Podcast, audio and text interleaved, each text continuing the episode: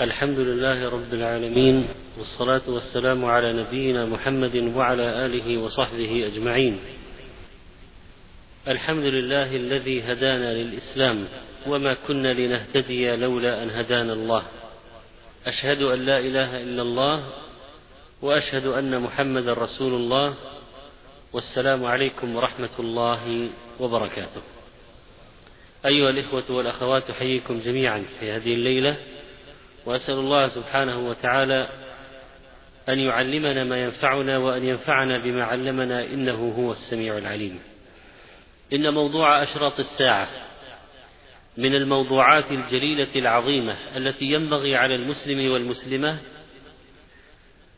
أن يطلع عليها وأن يبادر إلى معرفة ما جاء عن الله ورسوله فيها فإننا في آخر الزمان والأشراط قد بدأت ونحن نقترب شيئا فشيئا من نهاية العالم. وقيام الساعة وقد جاء أشراطها. وقد سبق بيان شرح مفصل لهذه الأشراط. ونحتاج أن نقف وقفات تربوية دعوية إيمانية مع هذه الأشراط. وما جاء في النصوص الشرعية بشأنها فإن ذلك يزيد الإيمان والله. ويثبت قدم المسلم على طريق الهداية والدين. تربية النفس على الإيمان بالغيب والاستسلام لأمر الله ورسوله. الإيمان بالغيب الذي يجعل المسلم مستعدا أن يؤمن عن الله ورسول أن يؤمن بما جاء عن الله ورسوله في أشراط الساعة وفي غيرها. قال الشيخ السعدي رحمه الله في مسألة لماذا أخفى الله وقت قيام الساعة عن العباد؟ ولهذا لما كان علم العباد للساعة ليس لهم فيه مصلحة دينية ولا دنيوية بل المصلحة في إخفائه عليهم طوى علم ذلك عن جميع الخلق واستأثر بعلمه فقال إلى ربك منتهاها. إليه يرد علم الساعة. تربية النفس على الاستسلام لله والقبول بما جاء عن الله. الأخذ بما جاء في الكتاب والسنة وأن نقف عندما أوقفنا الله تعالى ورسوله عنده ولا نتجاوز ذلك. إليه يرد علم الساعة إذا يعلمها هو وحده لا شريك له. عنده علم الساعة ليس عند غيره. إن هذه الأشراط وما جاء فيها تربي المسلم على عدم التخرص بلا علم أن يأخذ بالأدلة.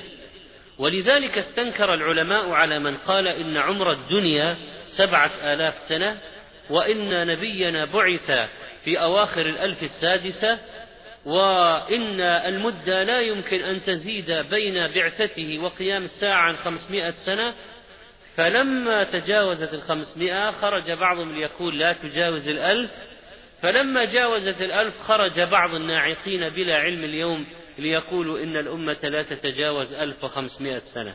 ما هو دليلكم؟ إسرائيليات. فهم مغلوط للأحاديث الصحيحة. أحاديث ضعيفة وموضوعة. رؤى أخبار الكهان الكتب المحرفة عند اليهود والنصارى وهكذا. أما المسلم فإنه لا يغير ولا يبدل بل إنه يوقن بما جاء عن الله ورسوله.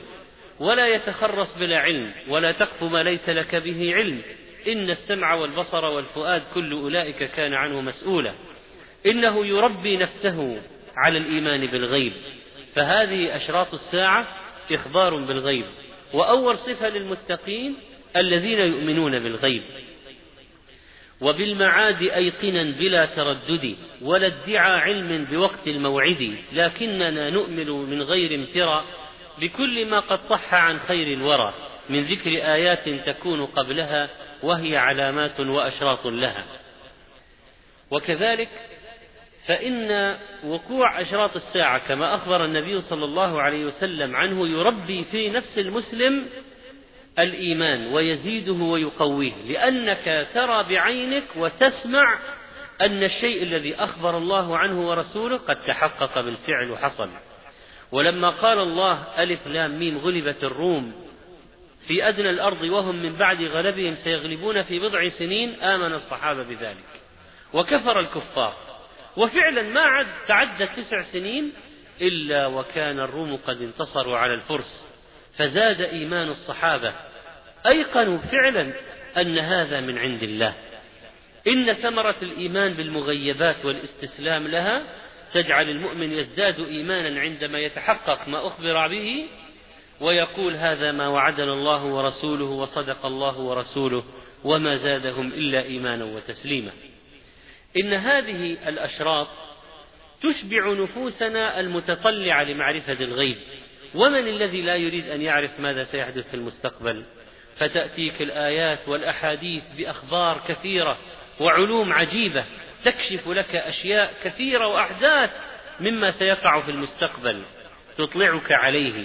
فتحمد ربك أنك على هذا السبيل المستقيم.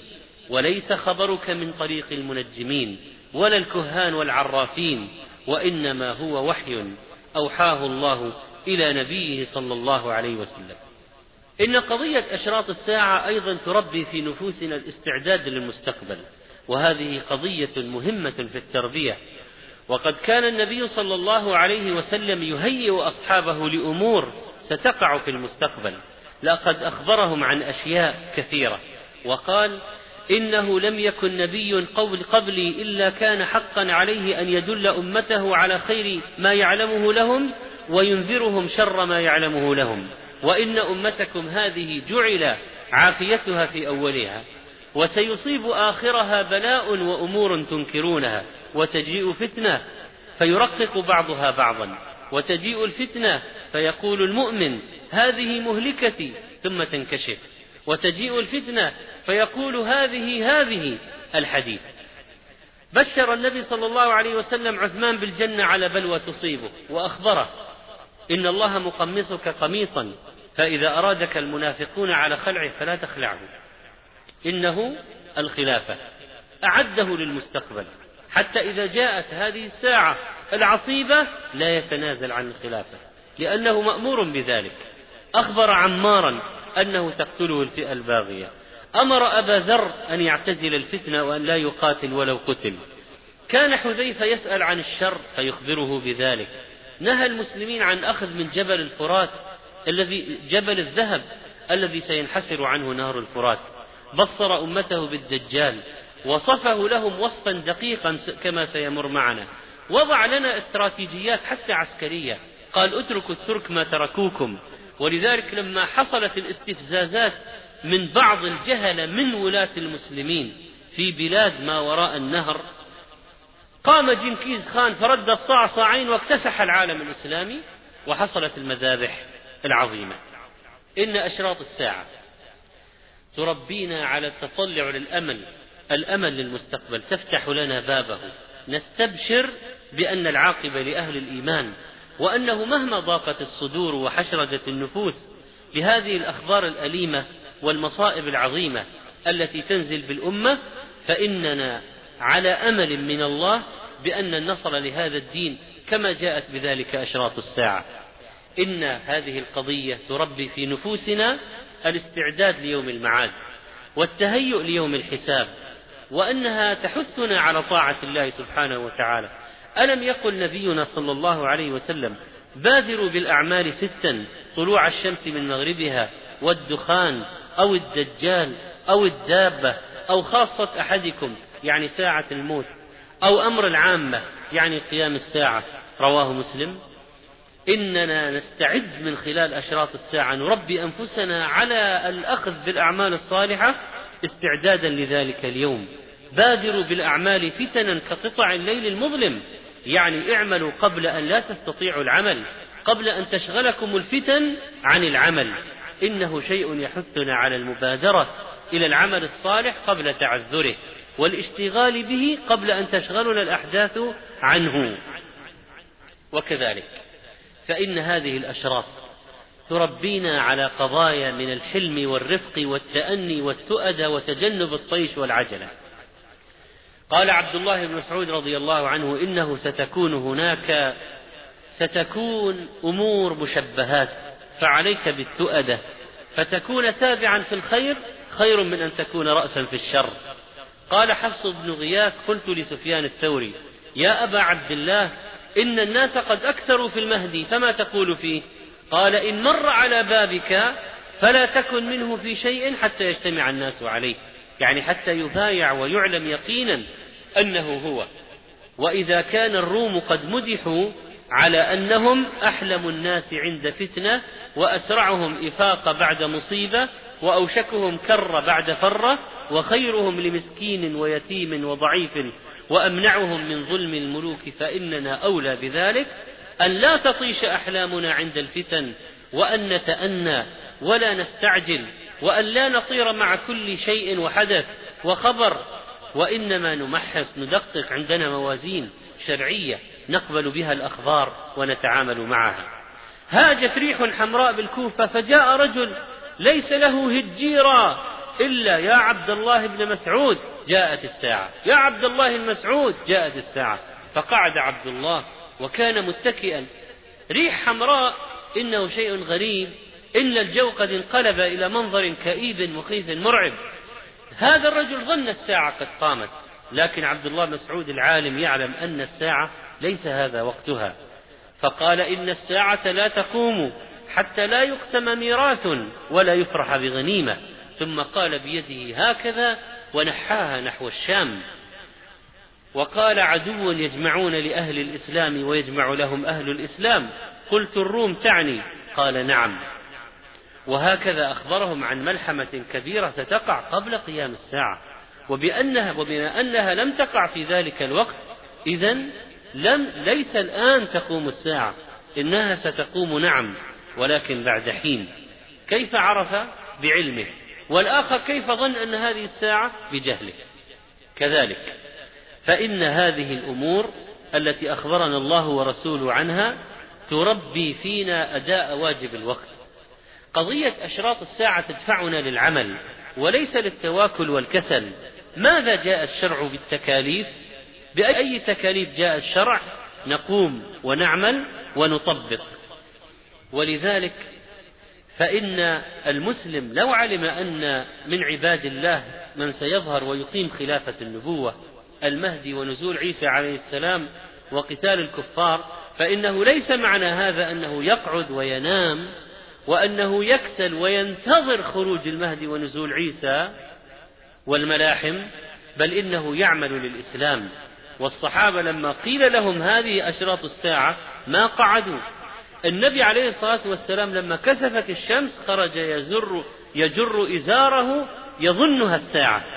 إنه عليه الصلاة والسلام خشي أن تكون هذه قضية الكسوف مقدمة لقيام الساعة. نحن لا نعطل السنن والأسباب بحجة انتظار المهدي ولا نسقط النصوص التي يتطرق إليها الاحتمال على واقع معين إلا بعد انقضائها وحدوثها فعند ذلك نعلم أنها هي هي لا نتعجل. إن قضية الهروب إلى الأماني الذي يقوم به بعض الناس يريدون الكسل وترك العمل للدين ويقولون للدين رب يحميه. وسوف يخرج من عباده من يقيم هذه الملة. فنحن ننتظر ليس بأمانيكم ولا بأماني أهل الكتاب من يعمل سوءا يجزى به. وقد قال جعفر الصادق رحمه الله لمن خاض في الأحكام القدرية وانشغل عن واجب الوقت إن الله أراد بنا أشياء. وهذا قدره. أراد بنا أشياء وأراد منا أشياء. وأراد منا أشياء. فما أراده بنا أخفاه عنا وهو الحوادث التي تقع.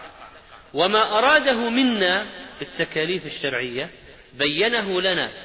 فما بالنا ننشغل بما أراده بنا عما أراده منا. الله أكبر. إنها كلمات عظيمة من جعفر الصادق صدق رحمه الله. إذا بعض الناس ينشغلون بهذه الأخبار عن العمل ويبقون يفكرون في قضايا الغيب المذكورة هذه ولا يعملون. وكأن القضية عندهم أن المطلوب هو انتظار حدوث هذه الأشراط شرطا بعد شرط دون العمل لهذا الدين. إن هذه القضية لا يمكن أن يكون المسلم الجاد فيها. وإنما هو يعمل لهذا الدين يعمل للإسلام مهما كانت الظروف والأحوال. وكذلك فإن المهدي عندما يخرج وعيسى عليه السلام كيف سيكون حال المسلمين؟ ألا, ألا يكون هنالك عباد لله صالحون؟ أليست هنالك دعوة؟ أليس هنالك جهاد إذن؟ بل إن عيسى سينزل بعد الملحمة التي تكون ضد النصارى وقبل الملحمة التي تكون ضد اليهود. ينزل بين الملحمتين. إذا هناك إنجازات حققتها الأمة في ذلك الوقت. إذا ليست هذه أمة الانتظار لحصول هذه الشروط أو إرسال من ينصر الله به الدين وإنما هي تسعى بقدر من الله لتنصر الدين الذي جعله الله قدرا لها.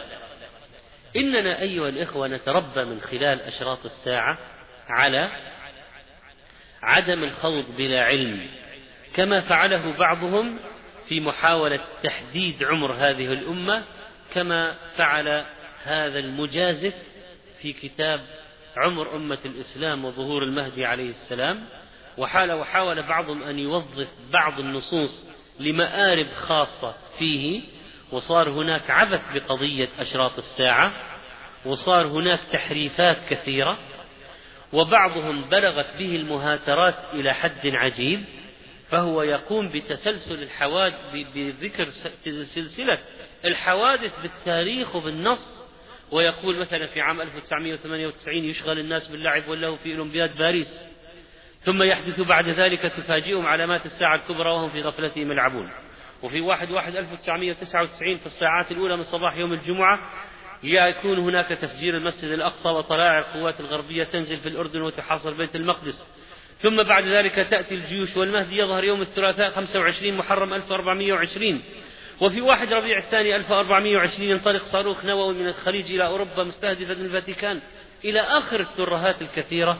التي يقولها مثل هؤلاء وبعد ذلك يحدد بالضبط متى سيخرج الدجال ومتى سيقتله عيسى ومتى سيموت عيسى باليوم وبالشهر وبالسنة. إنها أكاذيب كثيرة يقولها هؤلاء. وبعضهم يبنون على ما لدى الكفار من أخبار عن معركة هرمج الدون ويؤلفون كتبا هرمج الدون ما هو مستندك؟ أخبار اليهود والنصارى الأشياء المحرفة الأشياء التي على أحسن أحوالها لا ندري هل هي صدق أم كذب.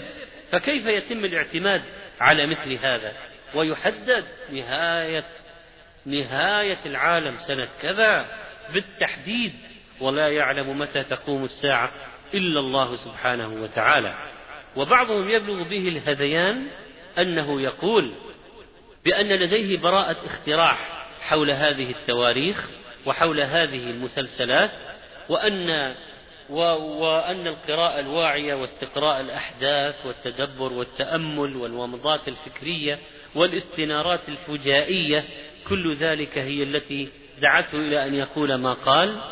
وبعضهم يعتمد على بعض الكهان كنستراداموس الذي عاش في قرون مضت أو في زمن مضى وأضيف إلى كلامه أشياء كثيرة ويتكلمون فيها بالغيبيات.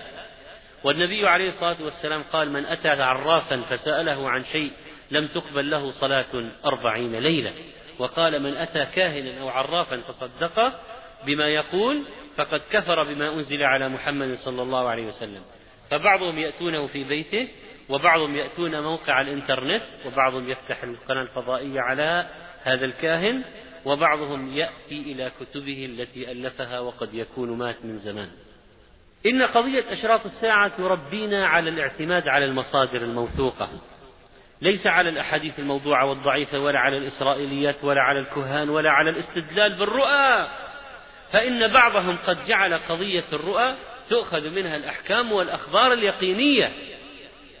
وقد جاء رجل إلى العلماء في زمن العز بن عبد السلام فقال إني رأيت النبي عليه الصلاة والسلام في النوم فقال اذهب إلى موضع كذا وكذا فاحفره فإن فيه كنزا ركازا فخذه لك ولا خمس عليك فيه.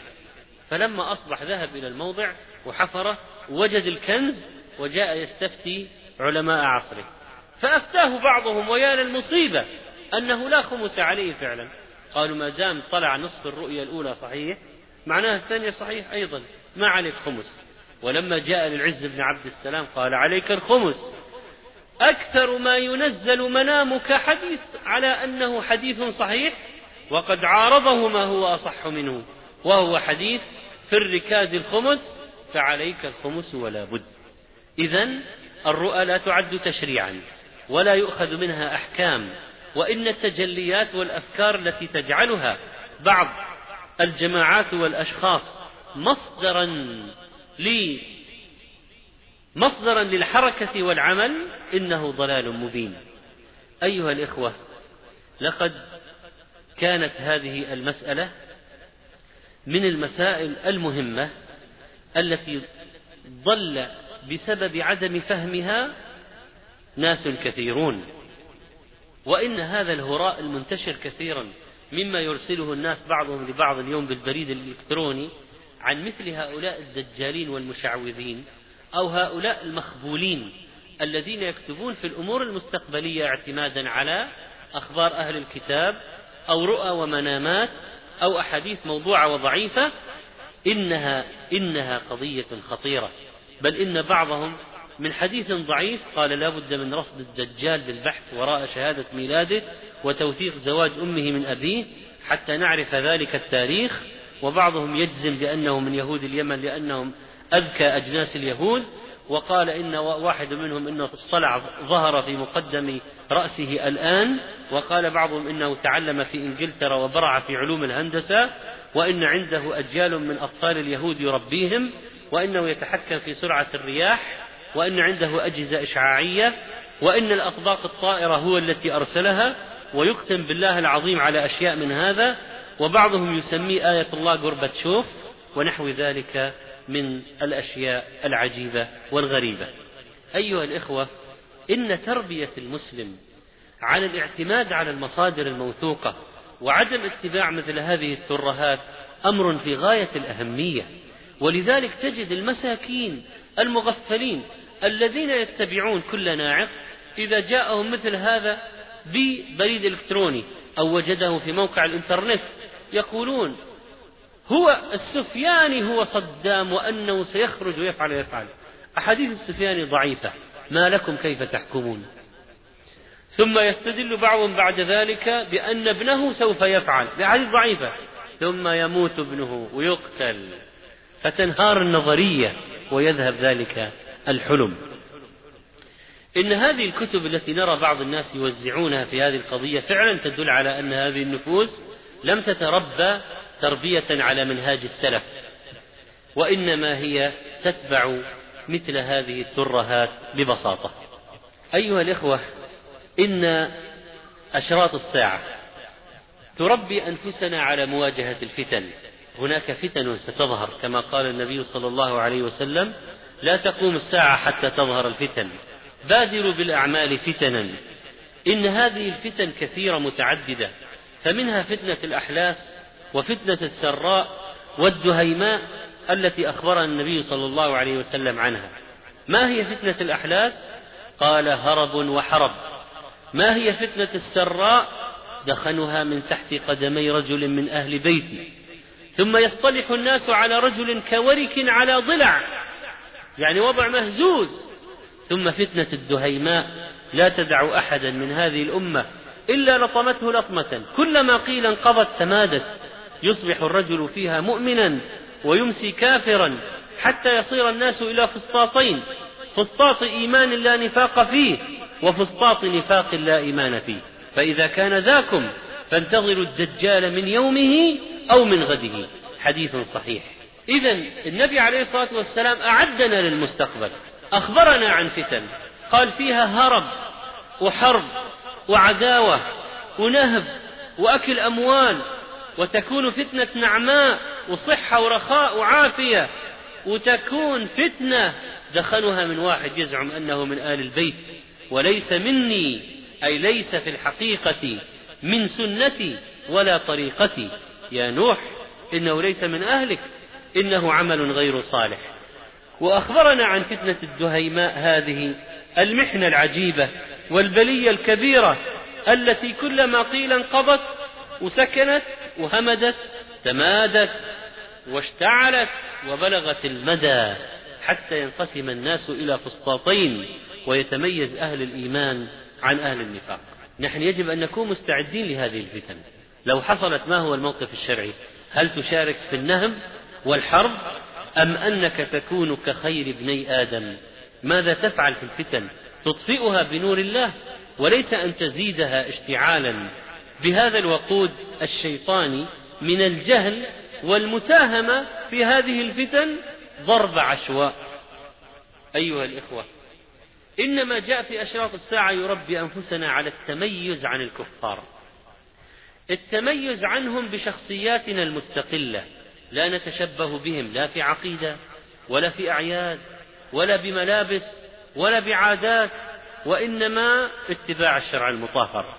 لأنه أخبرنا لا تقوم الساعة حتى تأخذ أمتي بأخذ, مأخذ بأخذ القرون قبلها شبرا بشبر وذراعا بذراع.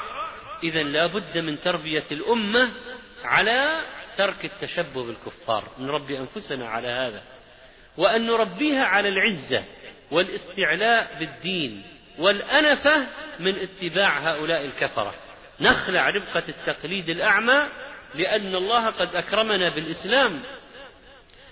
وكذلك فإن مما تربيه فينا أشراط الساعة العمل عمل الصالحات قبل أن تأتي أشياء تجبرنا على ذلك وربما إذا جاءت لا ينفع العمل الصالح.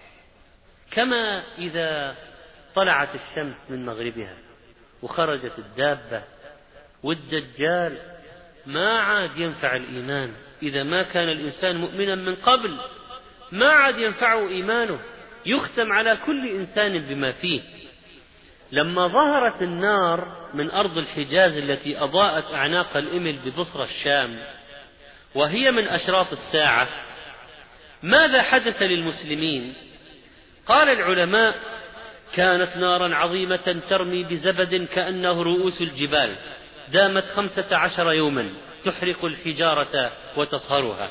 وزلزل أهل المدينة زلزالا شديدا ودخلوا واستغفروا في الحرم. وهكذا لم يزالوا مستغفرين طيلة الوقت والأيام حتى أن أميرهم أعتق جميع مماليكه وخرج من جميع المظالم. ولا ولم يزالوا مستغفرين حتى سكنت الزلزلة إلا أن النار لم تنقطع. إذا نحن لا بد أن نربي أنفسنا على العمل الصالح قبل أن تأتينا أشياء تذهلنا عن العمل أولا تشغلنا عن العمل الصالح وعن العبادة وعن التركيز وعن الخشوع وعن التدبر في القرآن تطيش العقول عند الفتن.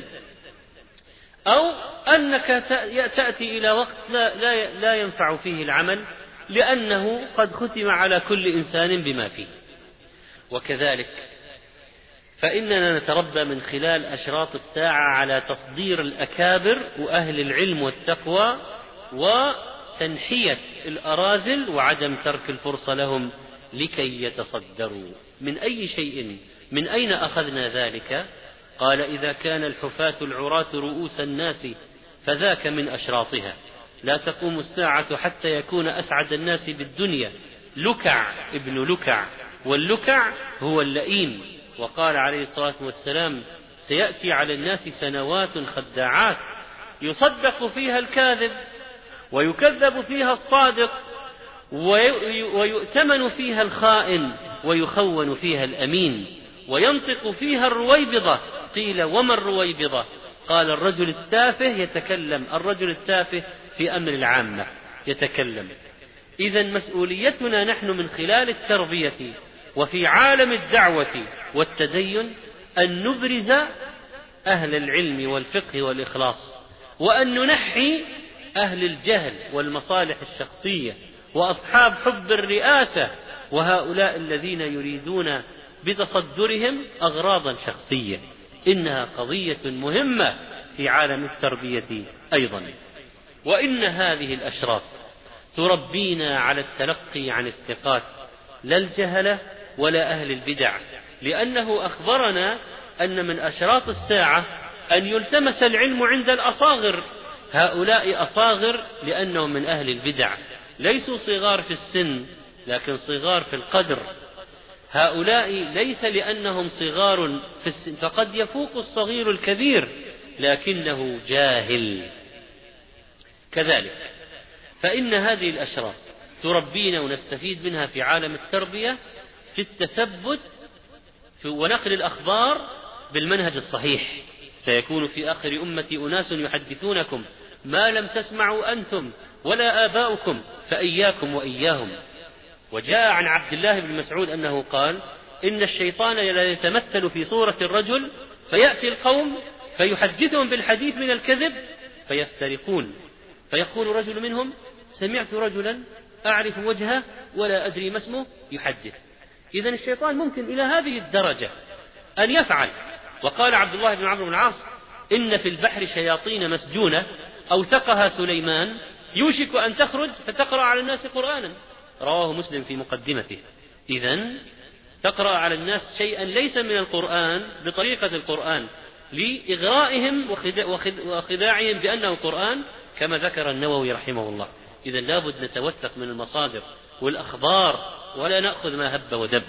وكذلك فإننا نتربى من خلال أشراط الساعة على نشر العلم الشرعي تعلما وتعليما. كي لا تظهر مثل هذه العلامة فينا إن من أشراط الساعة أن يرفع العلم ويثبت الجهل. وكذلك أن نربي هذه الأجيال ليكون منهم العلماء بالكتاب والسنة.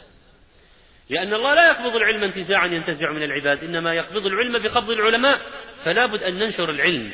وسيأتينا إن شاء الله في فوائد من الدجال أنه يخرج على حين غفلة من الناس به وجهل ولذلك نحن لا نستسلم إذا عرفنا سيحدث كذا في أشراط الساعة لا نستسلم له فنقول ما دام سيكون لا فائدة من العمل. لا. لماذا يكون في جيلنا؟ إذا كانت هناك أشياء من أشراط الساعة سيئة لماذا نرضى أن تكون في جيلنا؟ لا نرضى أن تكون في جيلنا.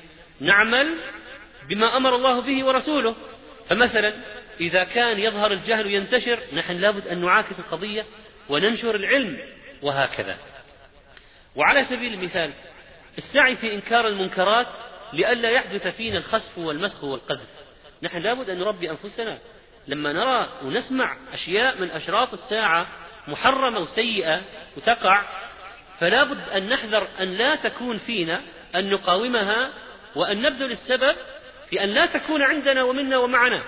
قال عليه الصلاة والسلام يكون في آخر الأمة خسف ومسخ وقذف. خسف ومسخ وقذف. قلت يا رسول الله أنهلك وفينا الصالحون؟ قال نعم. إذا ظهر الخبث إذا كثر الخبث الخسف ذهاب شيء في الأرض والمسخ تغيير الخلقة. والقذف رمي بالحجارة. هذا سيكون في هذه الأمة ولا بد. في من سيكون؟ في أناس. منهم فسقة. مردوا على الفسق. قال عليه الصلاة والسلام ليكونن من أمتي أقوام يستحلون الحرى يعني الزنا والحرير طبيعي والخمر بأسمائها والمعازف بأنواعها.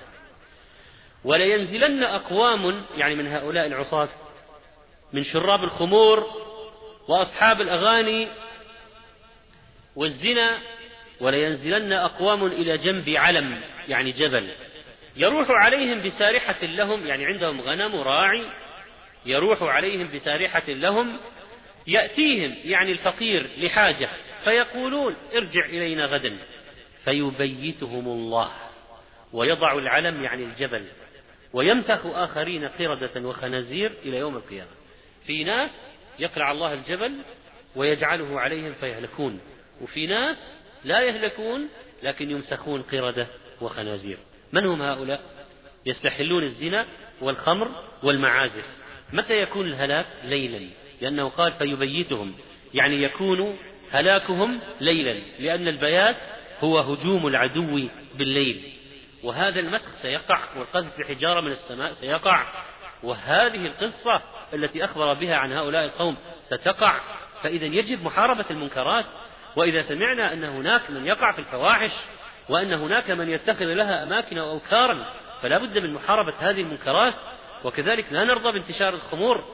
وإنه وإنما يجب أن نحاربها كذلك. لماذا يكون فينا القذف القذف والمسخ وهذا العذاب؟ كلا لا نرضى بهذا بل إننا نقاوم ذلك. وأيضا فإننا لابد أن نسعى في تربية الصالحين وأن يكون من نتائج تربيتنا إخراج جيل صالح مؤمن صاحب علم وفقه وبصيرة في الدين. هذه قضية في غاية الأهمية يا إخوان. لماذا؟ لأن النبي عليه الصلاة والسلام قال لا تقوم الساعة حتى يأخذ الله شريطته من أهل الأرض. من هم الشريطة؟ أهل الدين والخير. فيبقى فيهم عجاجة يقول عليه الصلاة والسلام. من هم العجاجة؟ الأراذل ومن لا خير فيه. لا يعرفون معروفا. ولا ينكرون منكرا. قال ابن حجر سنده جيد. وقال عليه الصلاة والسلام يذهب الصالحون الأول فالأول ويبقى حفالة كحفالة الشعير أو التمر لا يباليهم الله بالة. إذا هؤلاء الساقط والرديء من كل شيء يسمى حثالة تذهبون الخير فالخير حتى لا يبقى منكم إلا حثالة كحثالة التمر. ينزو بعضهم على بعض. نزو المعز فإذا قوله عليه الصلاة والسلام يأتي على الناس زمان يغربلون فيه غربلة. يبقى منهم حثالة قد مرجت عهودهم وأماناتهم واختلفوا فكانوا هكذا وشبك بين أصابعه. قالوا يا رسول الله فما المخرج من ذلك؟ قال تأخذون ما تعرفون وتدعون ما تنكرون وتقبلون على أمر خاصتكم. هذه البيئة الإسلامية الطيبة. هذا المجتمع الإسلامي المصغر. هذه الرفقة المأمونة المؤمنة. ما المخرج منها؟ تأخذون ما تعرفون وتدعون ما تنكرون وتقبلون على أمر خاصتكم وتدعون أمر عامتكم لأن أكثر الناس إذا صاروا على الفسق لا يقلدون. قال أحمد شاكر إسناد صحيح. إذا هناك غربلة كيف ستكون؟ يقبض الخيار ويبقى الأشرار. ما هي وظيفتنا؟ لا بد أن نساهم في تربية الأجيال الصالحة. لماذا يكون فينا هذا؟ لا لا بد أن نقاوم هذا نحن ولا يكون فينا. وأيضا مما تنشئ أشراط الساعة فينا تربية النفس على الصدق. لأن النبي عليه الصلاة والسلام قال إذا اقترب الزمان لم تكد رؤيا المسلم تكذب. إذا الرؤيا الصادقة أصدقهم حديثا في اليقظة أصدقهم رؤيا في المنام تكون رؤيا المؤمن واضحة جلية فيها بشارات وهذا حث على أن نصدق وأن نربي أنفسنا على الصدق حتى تكون الرؤيا مبشرة من الله لنا وأن تكون هذه الرؤى بالنسبة لنا مثبتة على الدين. وأيضا إن هذه الأشراط فيها ما يربينا على قطع الطمع بالدنيا والقناعة والكف عن المال الفاتن مهما كان كثيرا كما سيحدث عندما ينحسر الفرات عن جبل من ذهب. فقال عليه الصلاة والسلام يوشك الفرات أن يحسر عن كنز من ذهب أو جبل من ذهب فمن حضره فلا يأخذ منه شيئا. وفي رواية فيقتل عليه الناس. يقتتلون. فيقتل من كل مائة تسعة وتسعون. ويقول كل رجل منهم لعلي أكون أنا الذي أنجو سماه كنزا باعتبار كثرته وكذلك سماه جبلا باعتبار كثرته وكنزا باعتباره مخفيا لم يظهر بعد لأن الكنز ما كان مخفيا والجبل ما كان كثيرا وليس هو الذهب الأسود الذي يظنه بعضهم البترول فإنه لا يسمى جبلا وهو قد اكتشف من زمان وليس الذي يقتتل عليه الناس فيقتل من كل مئة تسعة وتسعون. وأيضا أيها الإخوة فإن في أشراط الساعة ما ينبهنا إلى قضية ترك التطلع إلى الدنيا والرئاسة مخافة الفتن. ألا ترى أن بعض الناس الآن يدعي أنه الجهجاه وأنه القحطاني وأنه المهدي ابتغاء الرئاسة وأن يكون له أتباع ونحو ذلك؟ نحن نعلم يقينا قوله عليه الصلاة والسلام لا تذهب الأيام والليالي حتى يملك رجل يقال له الجهجاه. رواه مسلم. ونعلم أنه عليه الصلاة والسلام قال لا تقوم الساعة حتى يخرج رجل من قحطان يسوق الناس بعصاه. وقد رجح كثير من أهل العلم أنه مسلم وأنه يسوقهم بقوته ويحملهم حملا على ما يريد ولعله يكون بعد عيسى عليه السلام. لكن مثل هذه الأشياء لا تكون مجالا لضعفاء العقول كي يأتي واحد ويقول أنا الجهجه أنا المهدي أنا القحطاني ما دليلك رؤيا رأيتها. ما دليلك؟ أخبرني واحد أن في علامات تشبه علامات مذكورة في ونحو ذلك من الترهات وإنما المسلم نقي تقي خفي لا يريد أن يعرف ولا يشار إليه بالبنان فيعمل ما يمكن أن يعمله وهو يخفي عمله. أما هؤلاء المرضى النفسانيين والمخبولين وأصحاب الشخصيات المزدوجة هؤلاء الذين يمكن أن يخرج عدد منهم يدعي المهدوية ويدعي أنه فلان أو فلان مما ورد في أشراف الساعة. ونحن وظيفتنا أن نقاوم ادعاءات هؤلاء وأن نكشف زيفهم وكذبهم لأنه تحصل بهم فتنة وقد يلتف حولهم بعض ضعفاء العقول أو بعض المغرر بهم. فوظيفتنا أن نكشف السراب وأن نبين الحقيقة وأن نقول إن النصوص حق كيف تنزلها عليك وبأي حق تقول إنك أنت المذكور في هذا النص؟ بين ودلل إن بعض من هو مذكور في النصوص لا يعرف حقيقة إلا بعد زمن معين كما مر معنا في قصة سفيان الثوري في شأن المهدي. أيها الإخوة أيضا من الأشياء التي تربيها فينا أشراط الساعة وتحثنا عليها أن نربي أنفسنا على تحمل المشاق في تحصيل في سبيل تحصيل الفضائل.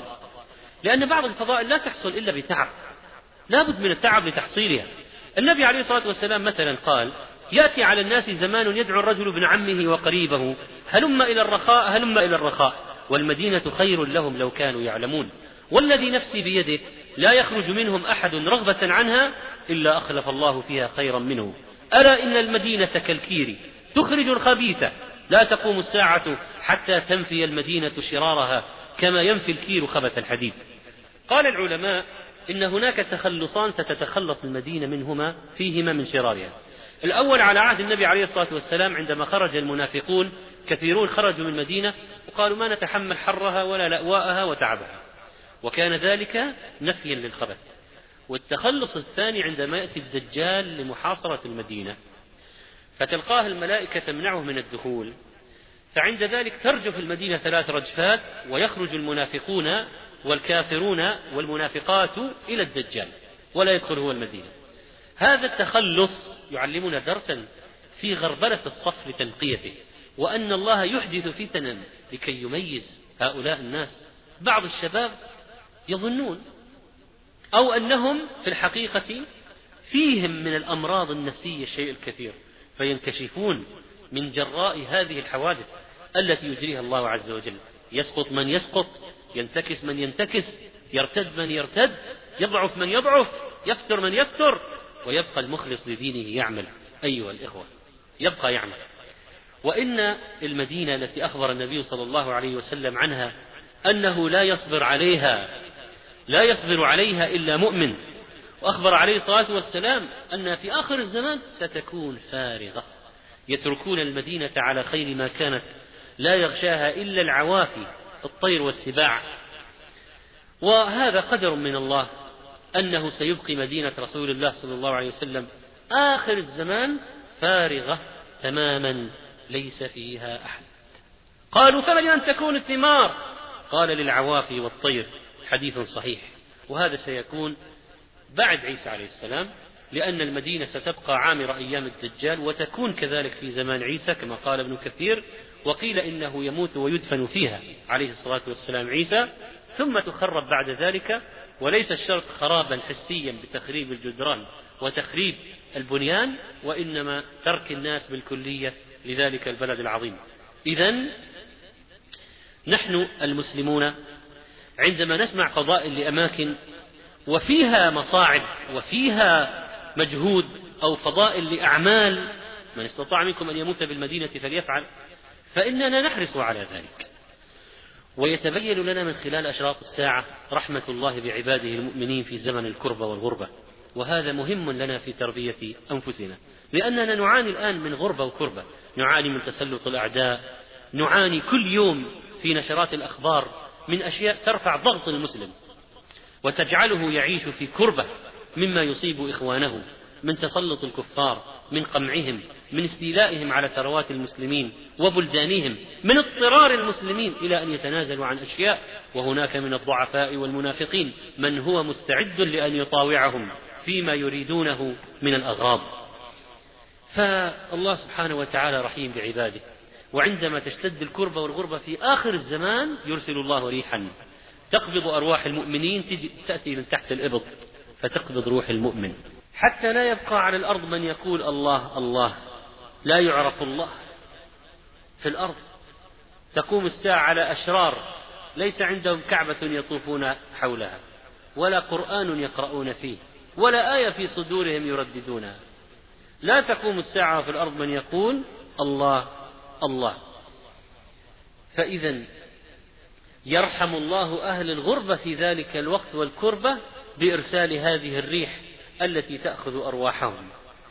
وكذلك فإن فإن قيام الساعة فيه تعليم لنا أن نحرص على الخير إلى آخر لحظة. ألم تر أن النبي صلى الله عليه وسلم قال إن قامت الساعة وفي يد أحدكم فسيلة نخلة صغيرة فإن استطاع أن لا يقوم حتى يغرسها فليغرسها.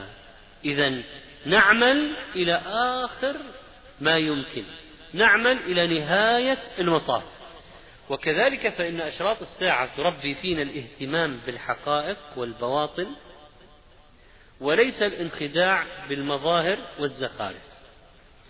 ألا ترى أنه عليه الصلاة والسلام قال لا تقوم الساعة حتى يتباهى الناس في المساجد ألا ترى أنه عليه الصلاة والسلام أخبرنا عن الدجال أن معه جنة ونار وأمرنا أن لا نغتر بما معه بل نقرأ المكتوب بين عينيه.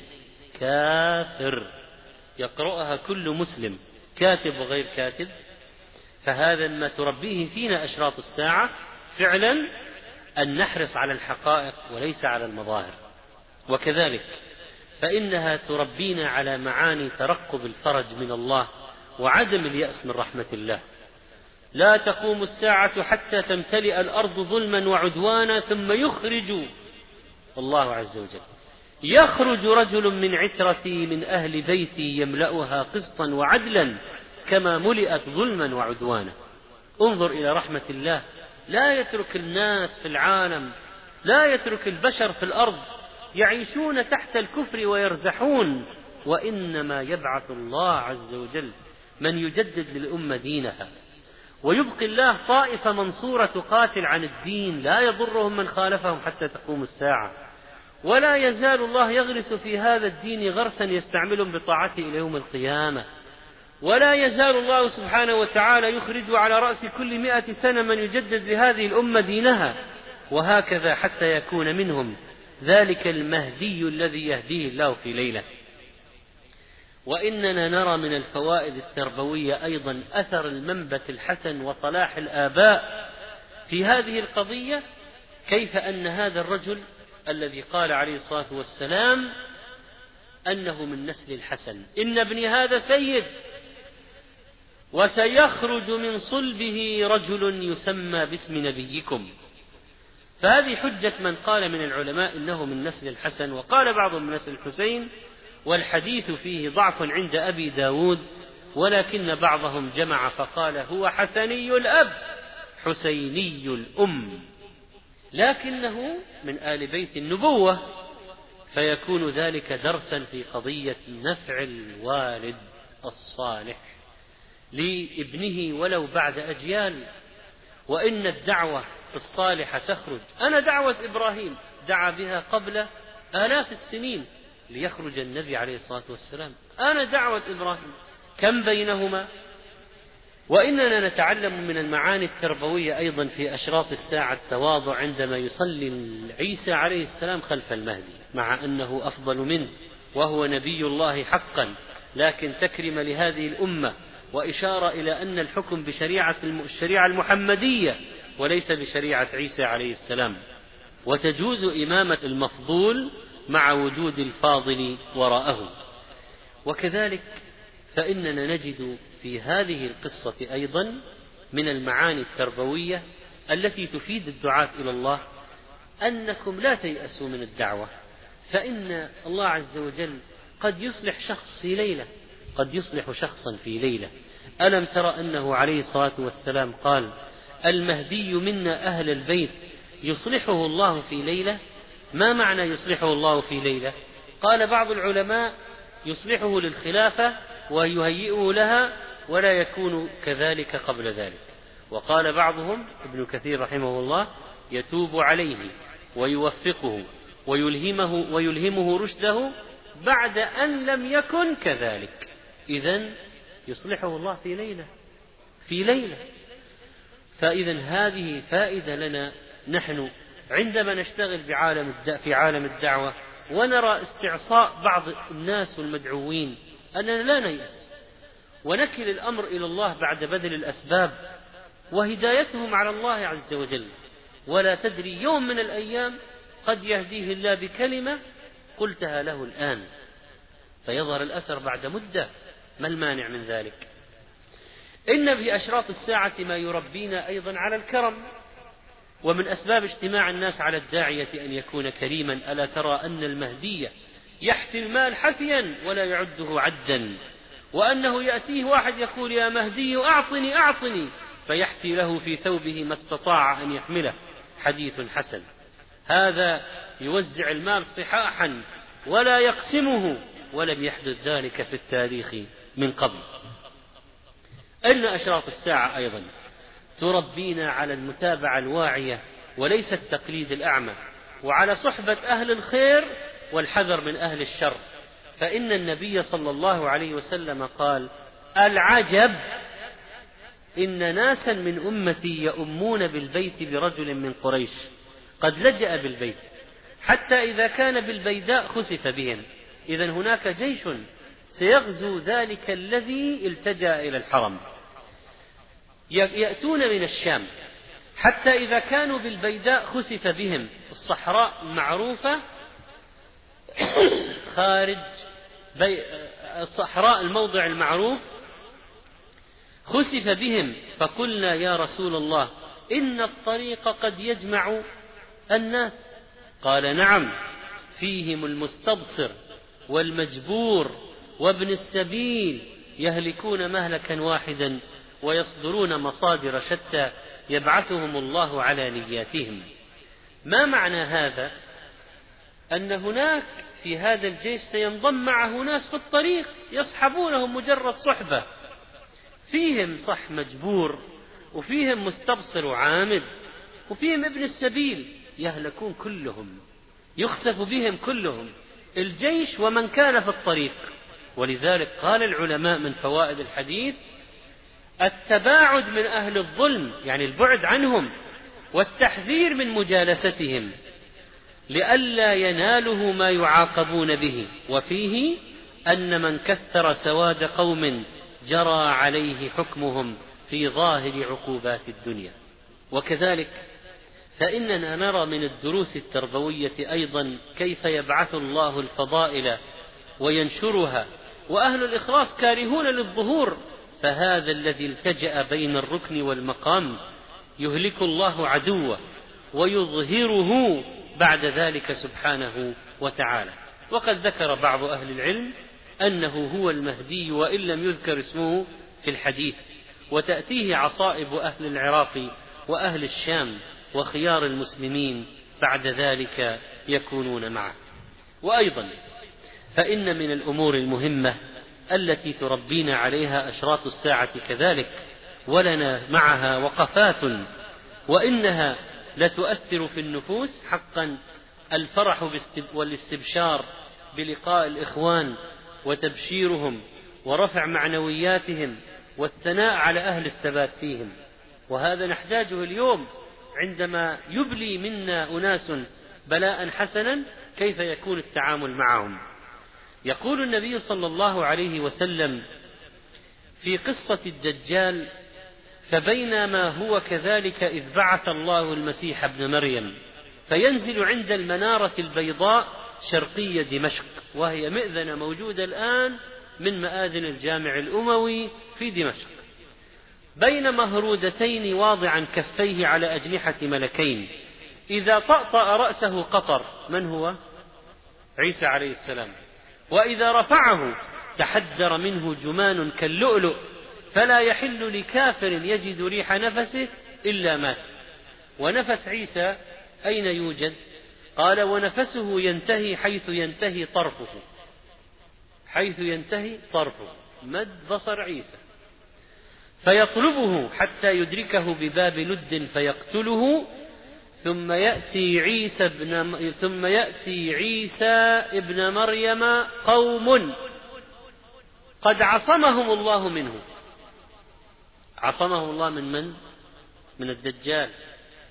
كانوا يعانون في الأرض أربعين يوم يوم كسنة ويوم كشهر ويوم كأسبوع وسائر الأيام عادية. يعانون من فتنة الدجال. يقاتلونه أطول رماح أمتي على الدجال رماح بني تميم ويثبتون أمامه ومنهم من يخشى الفتنة فيهرب إلى الجبال ويبقى فارا بدينه ومنهم من يحاصر. هؤلاء الذين ثبتوا أمام فتنة الدجال كيف يتعامل معهم عيسى عليه السلام؟ ثم يأتي عيسى ابن مريم قوم قد عصمهم الله منه يعني من الدجال. فيمسح عن وجوههم ويحدثهم بدرجاتهم في الجنة. رواه مسلم.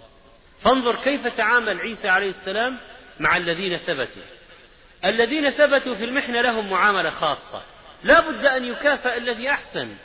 لا بد أن يثنى على الذي بذل المجهود. وهكذا كان.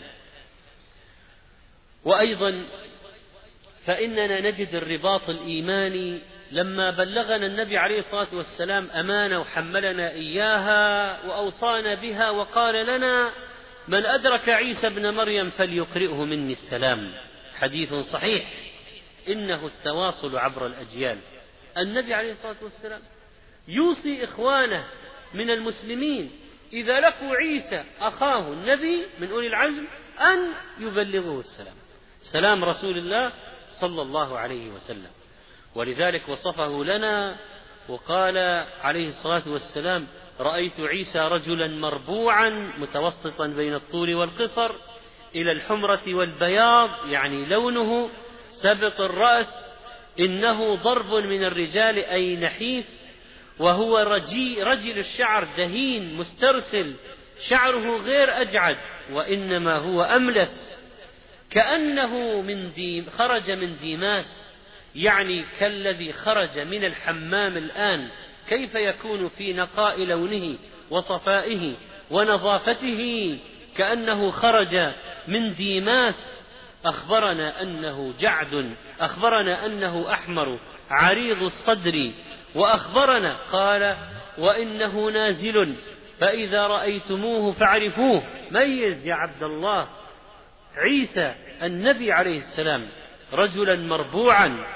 إلى الحمرة والبياض عليه ثوبان ممصران كأن رأسه يقطر وإن لم يصبه بلل. فإنه إذا يلبس هذه الثياب ذات اللون الأصفر الخفيف الممصرة نظيف غاية النظافة نظر غاية النضارة مربوعا عليه الصلاة والسلام. ونتعلم من نزول عيسى عليه السلام دروسا عظيمة في قضية الإنجازات تربية النفس على تحقيق الإنجازات العظيمة للإسلام. انظروا ماذا يفعل عيسى عليه السلام. يقود الأمة أولا يحكم كتاب الله يحكم هذه الشريعة وإمامكم منكم إذا نزل ابن مريم فيكم وإمامكم منكم فأمكم بكتاب ربكم تبارك وتعالى وسنة رسولكم صلى الله عليه وسلم. آخر الطائفة المنصورة مع عيسى بن مريم. عندما يكون فيهم يقودهم إذا يحكم يحكم في الأرض بالشريعة. يقود الناس بالكتاب والسنة. يعدل في الأرض. يقاتل اليهود. يقتل الدجال. ويقود المسلمين للملحمة الكبيرة مع اليهود. ومن إنجازاته عليه الصلاة والسلام أنه كذلك سوف يكسر الصليب ويقتل الخنزير فلا يبقى خنزير في الأرض ولا صليب ولا يقبل جزية كل الناس إما الدخول في الإسلام وإما القتل. ثم يكون هلاك يأجوج ومأجوج بدعائه فيرغب عيسى ومن معه إلى الله فيرسل على يأجوج ومأجوج النغف مثل الديدان في رقابهم تأكلهم فيموتون. فيكون تخلص من يأجوج ومأجوج. وحتى المطر الذي يغسل الأرض والطير التي تحمل الجثث المنتنة بدعاء عيسى عليه السلام. ونتيجة لذلك الجهد العظيم مع المؤمنين الذين مع عيسى تتحقق البركة العظيمة في الأرض. ويرسل الله مطرا لا يكن منه لا يكن منه بيت مدر ولا وبر سواء كان بيت شعر أو بيت طين أو بيت حجر المطر سيتخلله وينزل فيه حتى لو ناطحت سحاب سينزل إلى أرضها ويغسل الأرض كلها فيغسل الأرض حتى يتركها كالزلفة كما أخبر النبي صلى الله عليه وسلم. بعد الغسل هذا الذي تصبح الأرض فيه كالمرآة في صفائها ونقائها يقال للأرض أنبتي أنبتي ثمرتك وردي بركتك. لماذا كانت البركة محجوبة؟ بالكفر والبدعة والمعاصي.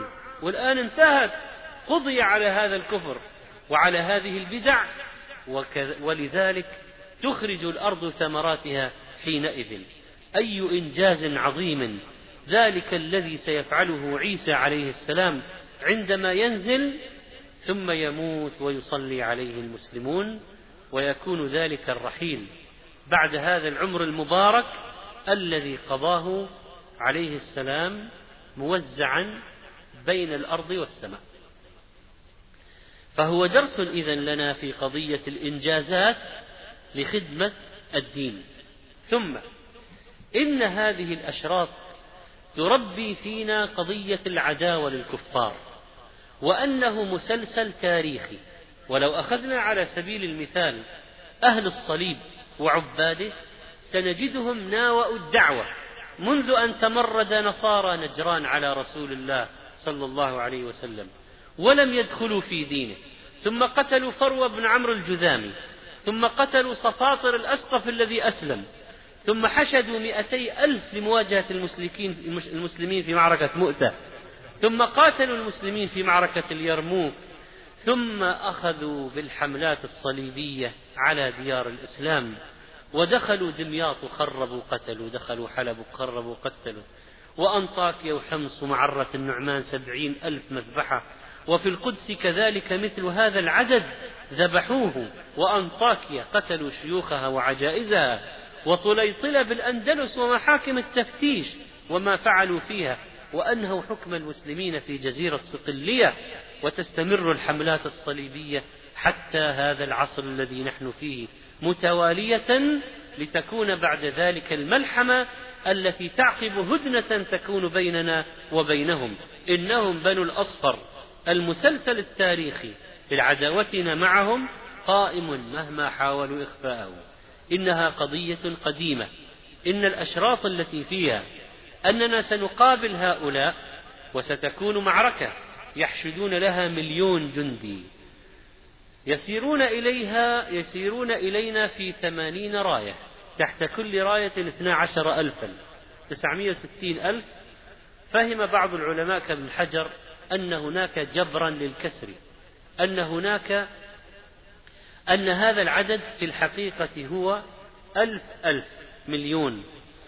ولذلك أن هنالك تقدير أن هذا العدد تقديري وأنهم في الحقيقة يبلغون ألف ألف. إن هذه المعركة الكبيرة التي أخبرنا النبي صلى الله عليه وسلم عنها ستكون يكون فيها فيها دروس تربوية أيضا لنا. فمثلا فيها تربية على العزة. أين العزة؟ إنها في موقف ذلك الرجل عند المسلم عندما يرى ذلك الصليبي يرفع الصليب ويقول غلب الصليب فيغضب المسلم ويقوم فيأخذ الصليب ويدقه ويكسره لأن المسلم لا يرضى أن يعلو الصليب ولا يرضى أن يقال غلب الصليب فعند ذلك يغدرون يغدرون وتجمع الروم للملحمة ويأتون إلينا في هذا العدد الضخم الكبير ويثور المسلمون إلى أسلحتهم ويخرج إليهم. جيش من أهل المدينة. قيل حلب المجاورة لذي تلول الفي المرج الذي أخبر عنه النبي صلى الله عليه وسلم مرج دابر. وقيل دمشق وقيل المدينة واستبعد الأخير بعض الشراح. فإذا سيخرج إليهم ذلك الجيش المسلم الذي سيعمل فيهم تلك المقتلة الكبيرة والكبيرة جدا. ثم نلاحظ كيف الأخوة الإسلامية التي تكون بين المسلمين التي تمنع المسلم من تسليم أخيه المسلم للكفار. لأنه عندما يتقابل ذلك الجيش المسلم سيكون المسلمون فيهم ناس من العرب وناس من الروم أسلموا ليسوا فقط من العرب فيهم عرب مسلمون وروم مسلمون. ولذلك عندما يتقابل الجيش المسلم الذي سيخرج الذي سيخرج بدابق أو إلى دابق لقتال الروم. إذا تصافوا قالت الروم خلوا بيننا وبين الذين سبوا منا نقاتلهم.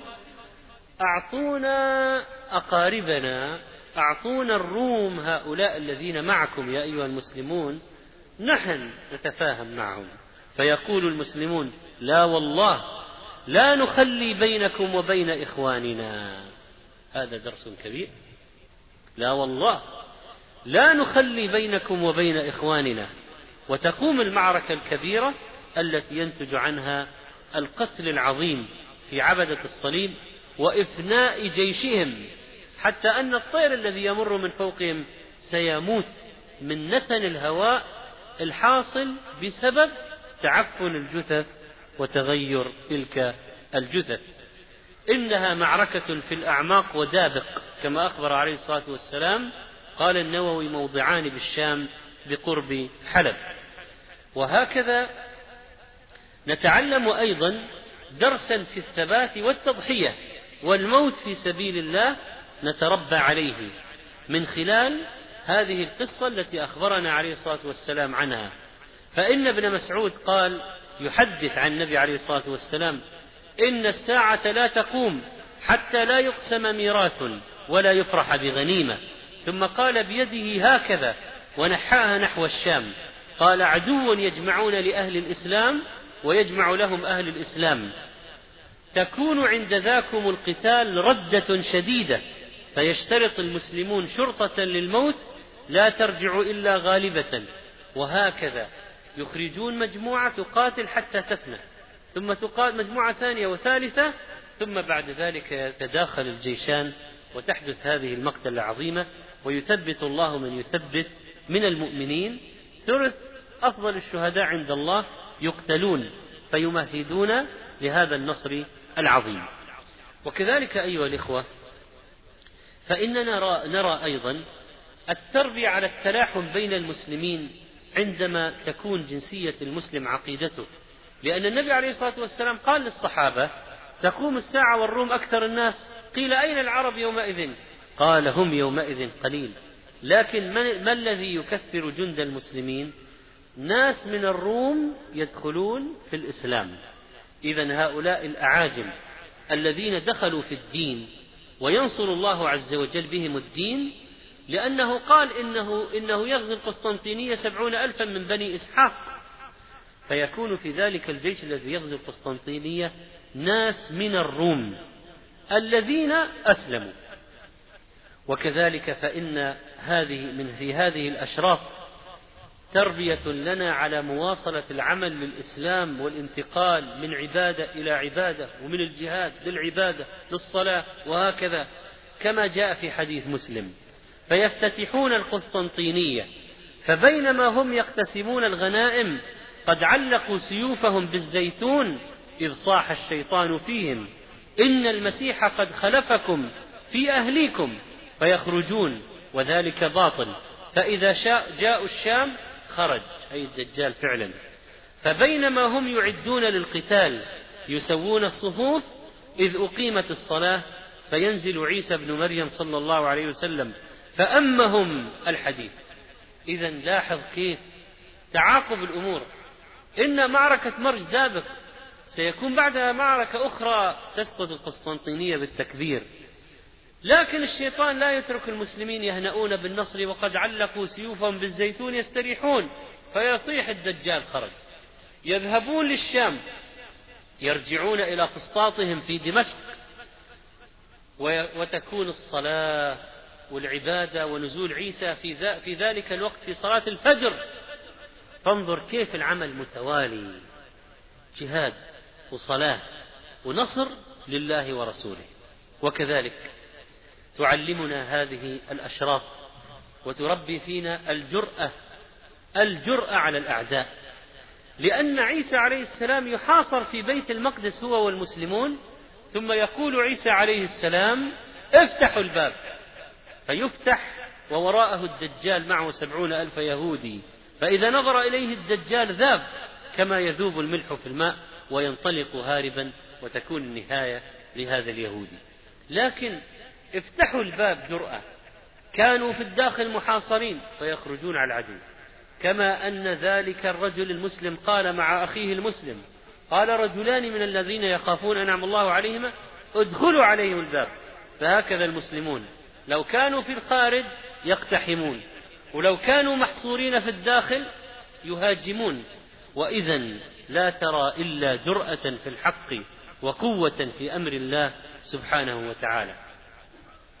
أيها الإخوة إن النبي صلى الله عليه وسلم قد ذكر لنا ما نستعد به نفسيا للأمور العظام وأخبرنا كيف ستكون هذه العلامات تخرج الدجال والدابة ويأجوج ومأجوج والدخان وأخبرنا عن طلوع الشمس من مغربها وأخبرنا وأخبرنا عن الأشياء الكثيرة التي تحصل. وهناك ترتيب ذكره العلماء في خروج الدجال بعد ملحمة الروم وفتح القسطنطينية ثم ينزل المسيح المهدي ويقتل الدجال ثم يخرج يأجوج ومأجوج ثم يهلكهم الله في زمن عيسى عليه السلام. إن هذا التسلسل الذي يعرفه المسلم يجعله ينظر إلى التاريخ بنوع من الوضوح لا يراه الكافر ولا يراه الجاهل. الجاهل لا يعرف هذه المعلومات. فالتاريخ عنده المستقبل شيء مجهول تماما لكن المسلم عنده أخبار من الغيب قد جاءته. وهذا فرق بيننا وبين هؤلاء الذين لا يعرفون مثل هذه النصوص الشرعية. والتربية على الأمر الواضح البين واعتماد الوضوح في التربية يولد الثقة ويوضح الطريق للعمل. وهذه قضية مهمة. ولذلك النبي عليه الصلاة والسلام إذا رأيت وصفه للدجال حتى لا نخدع به وهذه قضية تربوية الوضوح والبيان الوضوح والبيان وجعل العلامات الواضحة حتى لا يضل الشخص عن الهدف ولا يزيغ ولا ينحرف عن المطلوب ولا يحصل له نوع من التيه. فمثلا قال لنا إنه أعور وإن ربكم ليس بأعور مكتوب بين عينيه كافر إذا مشى باعد بين رجليه مثل المختتن كيف يمشي المختتن؟ اللي سوى عملية؟ هكذا يمشي الدجال أجل الجبهة انحسر شعره عن مقدم رأسه عريض النحر الرقبة عريضة ممسوح العين اليمنى وهذه العين ليست بناتئة ولا جحراء وإنما بمستوى غريبة كأنها عنبة طافية وعينه اليسرى عليها ظفرة غليظة قطعة من الجلد لحمة تنبت عند المآقي وتمتد مكتوب بين عينيه كافر. أخبرنا أنه جفال الشعر أي الدجال يعني شعره كثيف وفي رواية كأنه أغصان شجرة. وقال إنه جعد قطط وإنه أفحج مطموس العين وإنه أخبرنا صلى الله عليه وسلم أن به قال فيه دفأ يعني انحناء فيه انحناء الدجال فيه دفأ وأخبرنا صلى الله عليه وسلم عن الكلمات المكتوبة كافر وأنه يقرأه كل مؤمن كاتب وغير كاتب سواء جبت أمي مثقف غير مثقف سيقرأها سيرزق الله المسلمين في ذلك الوقت. القدرة على القراءة ما بين عيني الدجال سيقرأها كل مؤمن كاتب أو غير كاتب. أخبرنا عليه الصلاة والسلام أنه قصير ولا مانع أن يكون قصيرا بطينا عظيم الخلقة. وكذلك أخبرنا أنه قال كأن شعره رأ كأن شعر رأسه أغصان شجرة. وقال رأيته فيلمانيا أقمر هجانا الفيلماني العظيم ضخم الجثة والأقمر شديد البياض والهجان الأبيض. كل هذه التفاصيل الدقيقة جدا لشكل الدجال حتى لا أحد يقول تهنا ما عرفنا. وهكذا درس لنا في الدعوة. عندما نعلم الناس بكل وضوح وتذكر العلامات للحق علامات المنهج الصحيح بالتفصيل أيها الإخوة. إن التربية على الثبات على الفتن نجدها في درس عجيب. من هذا الذي يخبرنا عنه النبي صلى الله عليه وسلم. مهما رأيتم من الشبهات لا تغتروا. مهما رأيتم من الخوارق لا تنخدعوا. معه جنة ونار فناره جنة وجنته نار. معه نهران يجريان. أحدهما رأي العين ماء أبيض والآخر رأي العين. نار تأجج. مع الدجال نهران يجريان. واحد أبيض واحد نار تأجج. ماذا نفعل؟ قال فإما أدركن أحد فليأتي النهر الذي يراه نارا وليغمض. شوف الإرشادات الدقيقة. ماذا تفعل إذا جاءك الدجال ومعه النهران؟ قال فإما أدركن أحد فليأتي النهر الذي يراه نارا وليغمض ثم ليطأطئ رأسه فيشرب منه فإنه ماء بارد. خلاف الظاهر. ولذلك مهما جاءوا هؤلاء بالخوارق والمشعوذين مهما جاءوا بالأشياء الغريبة العجيبة لا ننخدع. وهذا من الثبات. معه جبال الخبز والماء. كما جاء في السنة لكن هو أهون على الله من أن يجعل المؤمنين يفتتنون بهذا. فالمؤمن صاحب الإيمان القوي والدين لا يفتتن بكل ما مع الدجال من الخوارق لكن الذي فيه نفاق المهزوز ضعيف الإيمان فإنه سيحدث له افتتان. ناس يخرج يكذبون بالدجال يصبحون مجدبين ممحلين ما لهم زرع ولا ضرع. وناس يؤمنون به عندهم خصب ورخاء تتبعه كنوز الأرض كيعاسيب النحل معه فتن خوارق. ومع ذلك فإن المؤمن لا يفتتن والكافر والفاسق يفتتن. وإن من فتنته أن يقول للأعرابي أرأيت إن رأيت إن بعثت لك أباك وأمك؟ مات. أتشهد أني ربك؟ فيقول نعم. فيتمثل له شيطانان في صورة أبيه وأمه. فيقولان يا بني اتبعه فإنه ربك. وإن من فتنته أن يأمر السماء فتمطر والأرض أن تنبت فتنبت. إن من فتنته أن يمر بالخربة فيقول أخرجي كنوزك فتتبعه. ولذلك فإن هنا درسا عظيما لنا في القضية أن ننشر العلم بهذا الموضوع. بهذا الموضوع. قال عليه الصلاة والسلام يخرج الدجال في خفقة من الدين وإدبار من العلم. يعني ضعف في الدين وإدبار من العلم. قال الهيثمي رواه أحمد بإسنادين رجال أحدهما رجال الصحيح إذا يجب أن ننشر العلم وأخبار الدجال لأنه لا يخرج إلا إذا خفي أمره ما عاد أحد يذكره. لا يذكر على المنابر ولا يذكر في الدروس والمحاضرات والمجتمعات الناس. وهكذا. ولذلك قال في الحديث لا يخرج الدجال حتى يذهل الناس عن ذكره وحتى تترك الأئمة ذكره على المنابر. وهذا الحديث الذي صححه الهيثمي وذكره الألباني في مقدمة كتاب قصة المسيح. مهم بالنسبة لنا في اتخاذ مواقف في نشر مثل هذه الأخبار الصحيحة. ومن الدروس التربوية أيضا التي تحدث ويكون لها الأثر في النفس. وقد ذكرنا الثناء على أصحاب الإنجازات ونذكر هنا مثالا آخر في الثناء على أصحاب الأداء المتميز وهي لفتة تربوية. الثناء على أصحاب الأداء المتميز. النبي صلى الله عليه وسلم لما قال في قصة الدجال إن المسلمين الذين كانوا قد فتحوا القسطنطينية ووضعوا سلاحهم.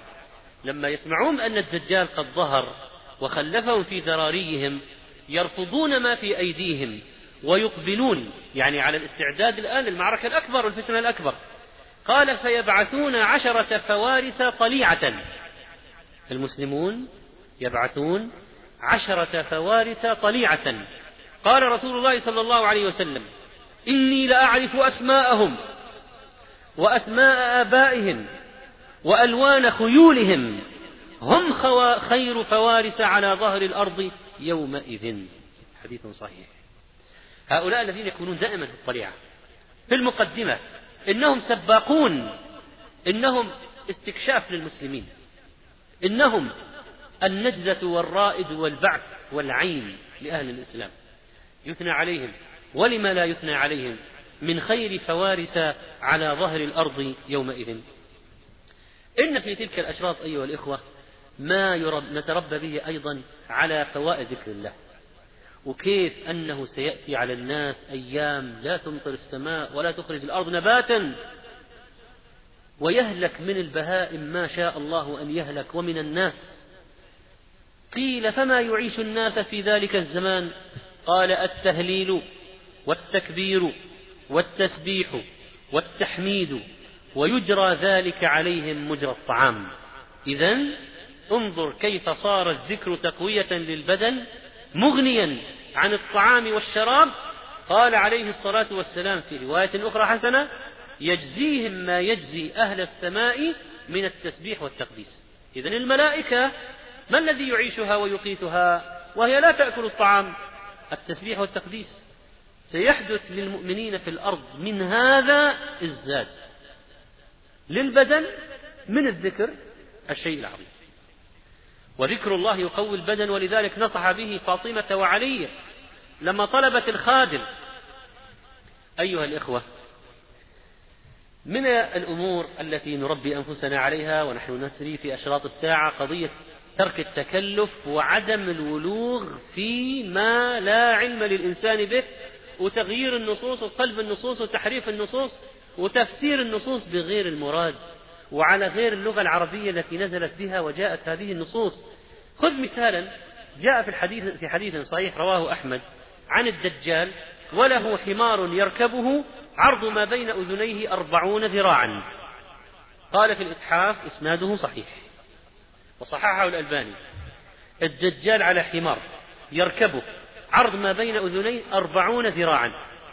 نحن نؤمن بذلك ونقول حمار على حمار ونجس على نجس ورجس على رجس. طيب. ماذا يأتي؟ زعم بعض العصرانيين الذين يسمون أنفسهم العقلانيين وأصحاب الفكر المستنير. طبعا منهم من أنكر أصلا هذه الأشياء كلها. أنكر أنكر الدجال وأنكر. ومنهم من جاء وقال إن الدجال إنما يركب على طائرة كبيرة عرض ما بين جناحيها أربعون ذراعا.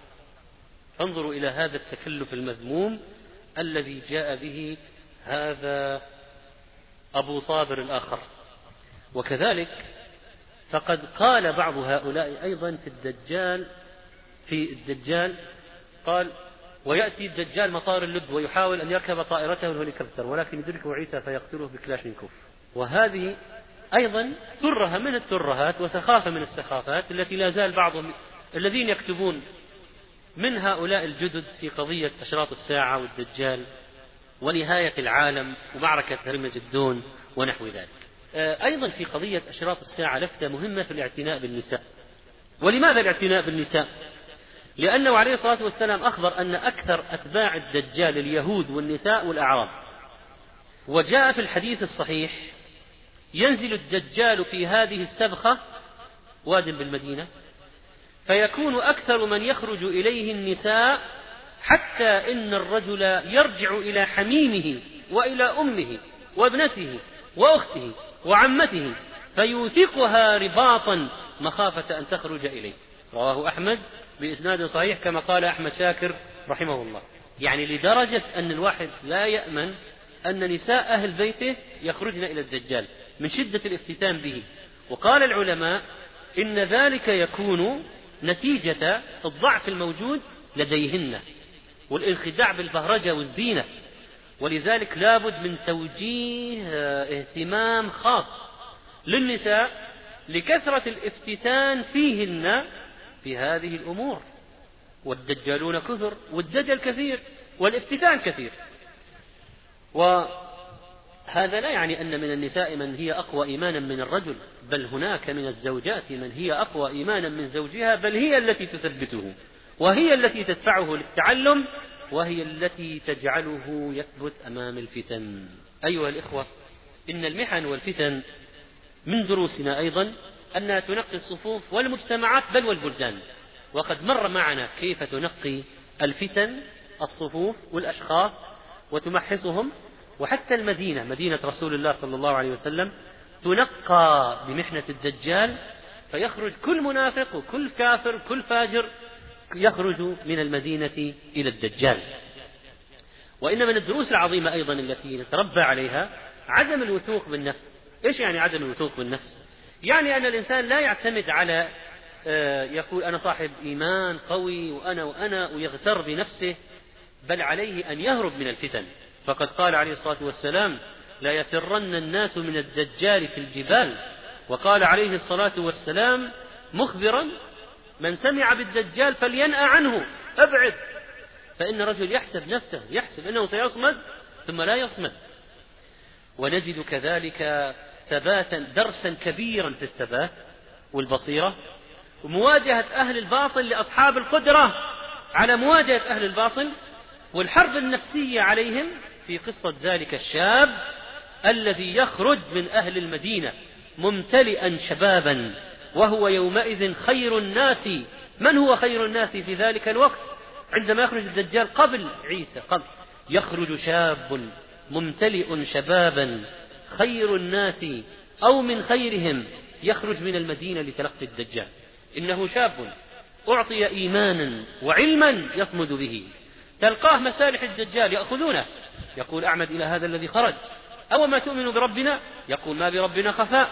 يقول اقتلوه. يقول بعضهم لبعض أليس قد نهاكم ربكم أن تقتلوا أحدا دونه؟ ينطلقون به إلى الدجال. يقول الدجال اضربوه. يشبح. شجوه. يوسع ظهره وظهره ضربا وبطنه. أو ما تؤمن بي قال أنت المسيح الكذاب. فيقول الدجال أرأيتم إن قتلت هذا ثم أحييته؟ أتشكون في الأمر؟ كأنه يعني عنده قضية الشك. واردة.